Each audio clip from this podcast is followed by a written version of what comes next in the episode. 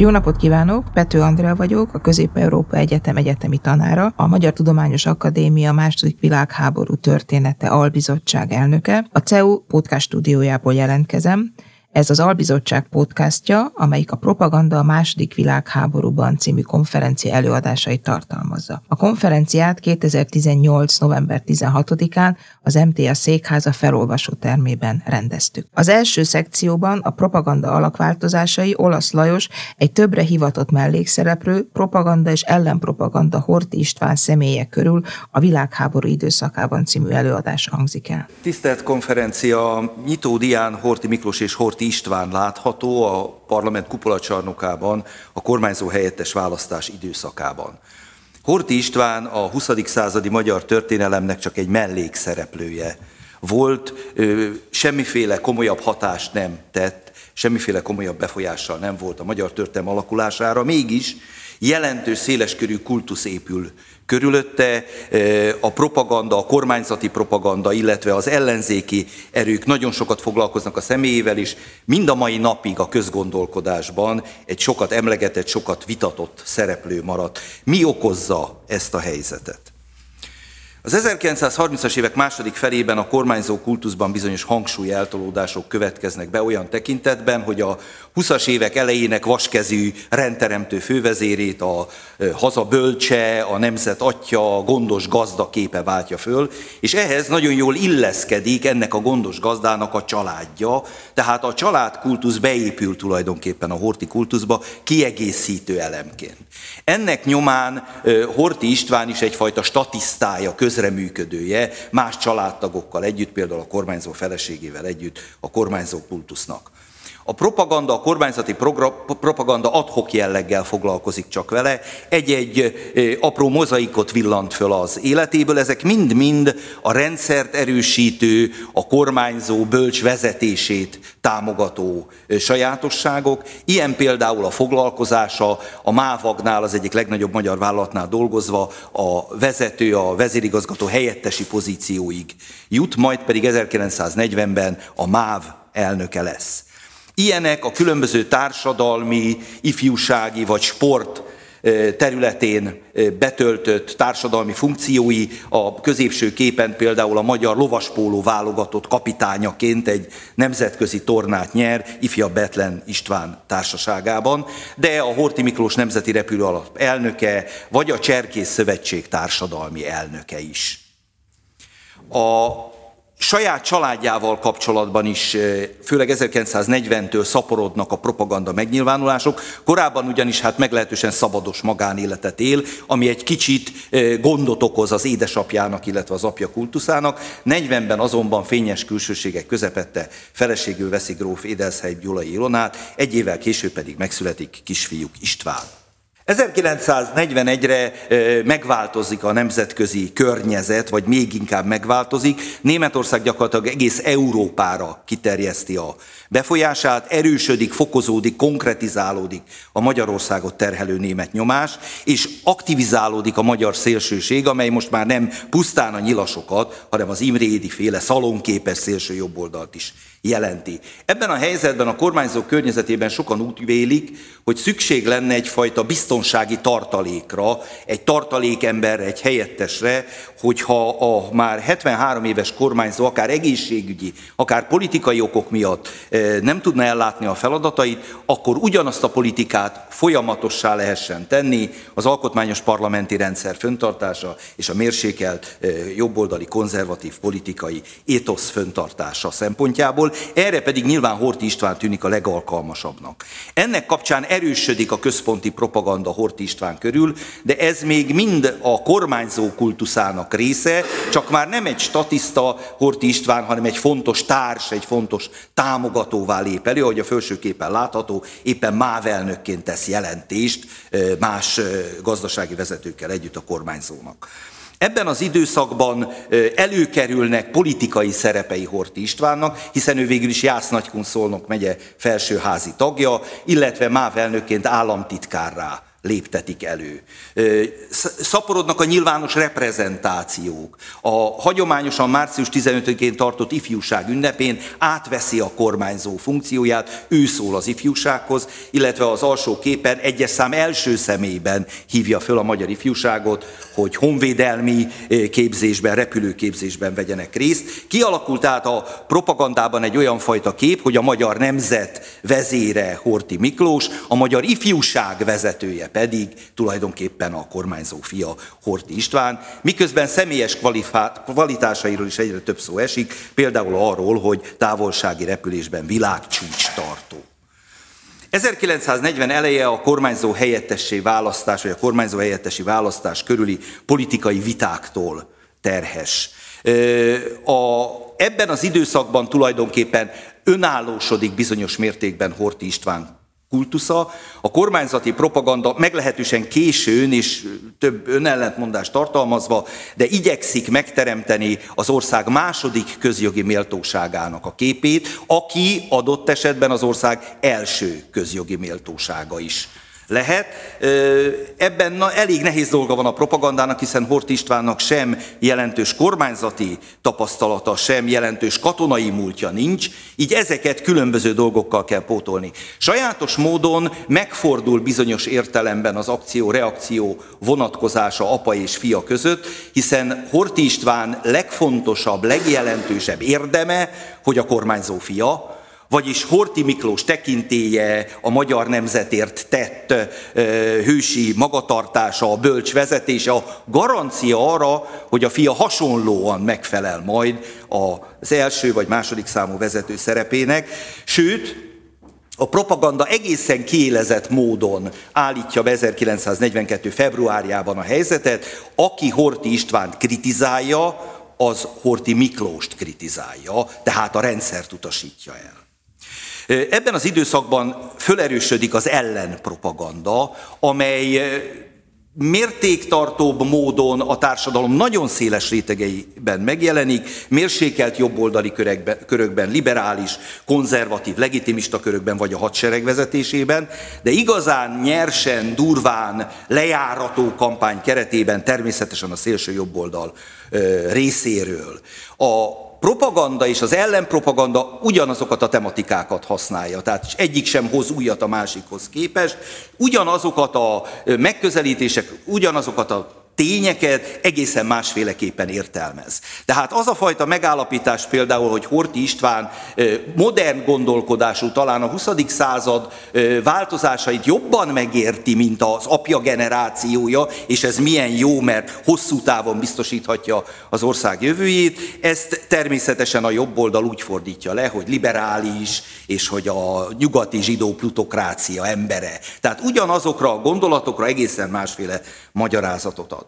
A kormányzati propagandában és az ellenpropagandában új jelem természetesen 42-ben a háború szerepvállalás, Horti István, mint kiképzett vadászpilót 1942 nyarán kivonul a keleti frontra, és ott igyekszik a propaganda őt. Részben a háború nehézségeivel megküzdő, a bajtársaival azonos körülmények között élő, hősies tetteket végrehajtó, ugye légigyőzelmet arat, illetve a legalsó képen látszik, hogy mintha stratégiai kérdésekkel foglalkozna, Jáni Gusztáv hadseregparancsnokkal beszélget csípőretett kézzel, úgy tűnik, mintha két egyenrangú katona állna egymással szemben. 1942. augusztus 20-án egy harci feladat teljesítése közben Horti István repülőgépével lezuhan és repülőhősi halált hal. A gyászhetek eltelte után a kormányzati propaganda nem vesz vissza a Hort István kultusz építéséből, sőt, majd hogy nem nagyobb, erőteljesebb lendülettel építi tovább ezt a kurzust. Emléktörvényt alkot a parlament, több mint 30 kiadvány jelenik meg róla, emlékművet állít számos magyar város, köztereket neveznek el, szervezeteket neveznek el róla. Mindez viszont most már nem egy önálló kultusz keretei között történik, hanem visszacsatol a kormányzói kultuszba, hiszen egy halott hőssel nem lehet vitatkozni. Egy hősi halottat nem lehet megkérdőjelezni, az olyan fajta támasza a kormányzónak, a kormányzói kultusznak, ami legalábbis a legális ellenpropagandát elhallgattatja. Tulajdonképpen a szerepe kettős ebben a helyzetben. Egyrészt, ahogy az előző előadásban is elhangzott, a kormányzói család példamutatására, az ország, a nemzet első családjának a példamutatására utal. Ők ugyanúgy kiküldték a gyermeküket a háborúba, ahogy elvárt a többi magyar családtól is. Másrészt pedig, hogy most már egyértelműen bizonyított, hogy Horti Miklós az egyetlen világítótorony, az egyetlen igazodási pont. A középső meglehetősen ismert propaganda kép a Horti család három generációját ábrázolja azonban nem életkori sorrendben, hiszen az első kép Horti István, a második generáció már a múlt. Ő meghalt, ő a történelem. Ő az, akire hivatkozni lehet. A jelen egyértelműen vitathatatlan pótló ember nélkül, helyettes nélkül Horti Miklós, őt kell követni a nemzetnek, a jövő pedig lehetségesen, potenciálisan, ugye ifjú Horti István a harmadik képen. A kormányzóhelyettes halála körül azonban a suttogó propaganda nem hal el, tehát az ellenpropagandának igen széles hullámvetései vannak ezzel kapcsolatban, amit nem csak a politikai elutasítás, hanem a halál meglehetősen tisztázatlan körülmények között való bekövetkezése is indokol. Milyen motivumok mozgatták, alakították, formálták a Horti István képet a 20. század során. A második világháború idején egyértelműen azt mondhatjuk, hogy előbb statisztaként, majd fontos szereplőként végül önálló kultuszként, de a kormányzói kultuszhoz csatlakozva ugyanazt az üzenetet, ugyanazt a biztos, a kormányzó erős kézzel és szebb jövő felé vezeti a hajóját, ami gyakorlatilag 20 óta a kormányzói propaganda sajátossága. Még egy dologra szeretném itt fölhívni a figyelmet, a társadalmi várakozásokra.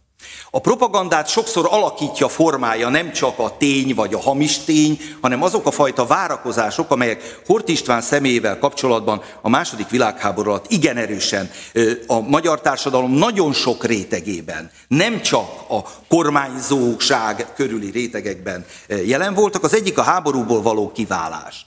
Különösen 43 Olaszország példája után hangzott el gyakran, hogy más lett volna Magyarország sorsa, ha 1944. március 19-én Hort István él, hiszen az apja, aki azért valamilyen mértékben elkötelezte magát a németek mellett, nem biztos, hogy a nyugat számára egy elfogadható, utód, vagy a jövő embere lett volna, Horti István azonban átvehette volna a helyét, tehát egyfajta politikai munka megosztás a Horti családon belül.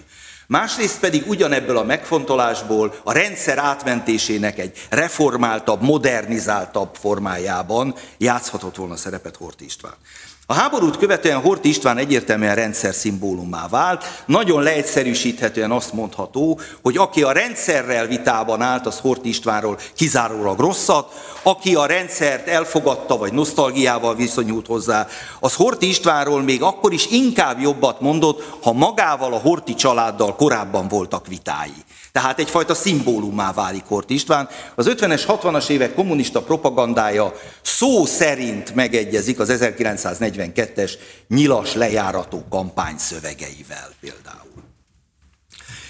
Van még két olyan motivum ebben a propagandában, amiről sokkal kevesebb szó esik, talán mérni is nehezebb és nem ennyire direkt. Az egyik, hogy létezik a kormányzati propagandától független civil véleményalkotás, talán a totális diktatúrákban a legkevésbé, de a horti korszak maga nem volt totális diktatúra. Vannak ennek nyomai a másik pedig, hogy hát van egyfajta bulvárigényünk, a tömegtársadalmakra jellemző, tehát a titokzatosság, az összeesküvés elmélet, a magánéletben való vájkálás a közszereplők esetében, ez bizony Horti István nagyon is az érdeklődés középpontjába helyezte. Az illusztrációk bizonyos módon erre utalnak, ugye a pesti polgár fejéből nem nagyon lehet kiverni azt a tévhitet, hogy amikor a szovjet megszállók köteleztek bennünket arra, hogy emlékművel dicsőítsük őket, a Gellért-hegyi Szabadságszobor, akkor mi trükkösen a Horti Istvánnak készült emlékművet állítottuk oda, hogy ezzel mutassunk fityiszt a szovjet megszállóknak. Valójában a két emlékmű nem ugyanaz, bár az alkotó Kisfaludi Strób igen. A másik kép pedig az amerikai film művészet egyik emblematikus alkotása, a Casablanca című filmnek egy kulcsjelenete, ez 1942-ben eh, forgatták a filmet, és beépítettek a filmbe egy eredetileg a forgatókönyvben nem szereplő jelenetet, egy budapesti e, városi legenda fölhasználásával, hogy tudnélék egy magasrangú német külügyi delegáció magyarországi látogatása idején e, az Arizona mulatóban, aminek Hort István törzsvendége volt, hogy bosszantsa a német urakat, Horti István egy első világháborús angol katona indulót húzatott a zenekarral, It's a long way to Tipperary. Ez a zenei protestálás, a nálunk erősebb, a minket elnyomó, a minket legyőző, kézben tartóval szembeni gerinc kiegyenesítés jelenik meg ebben a Casablanca című jelenetben is. És végezetül három rövid szempontot szeretnék figyelembe ajánlani. A Hort Istvánra vonatkozó propagandával, de azt gondolom, hogy esetleg ez egy kicsit szélesebb értelemben is használható. Az egyik, hogy a propaganda önmagában nem a semmiből konstruál.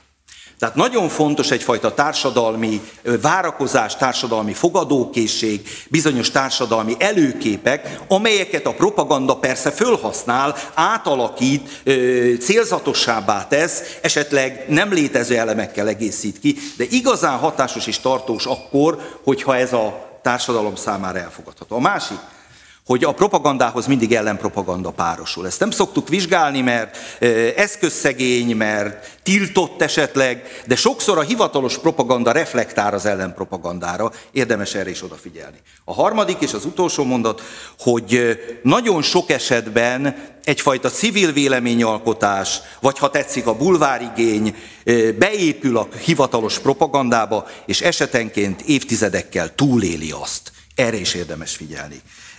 Köszönöm a megtisztelő figyelmet és ellenőrzést. Az előadás a Propaganda második világháborúban című konferencián hangzott el a Magyar Tudományos Akadémia második világháború története albizottság konferenciáján 2018. november 16-án a Magyar Tudományos Akadémia székházában a felolvasóteremben. Köszönjük a figyelmet! thank you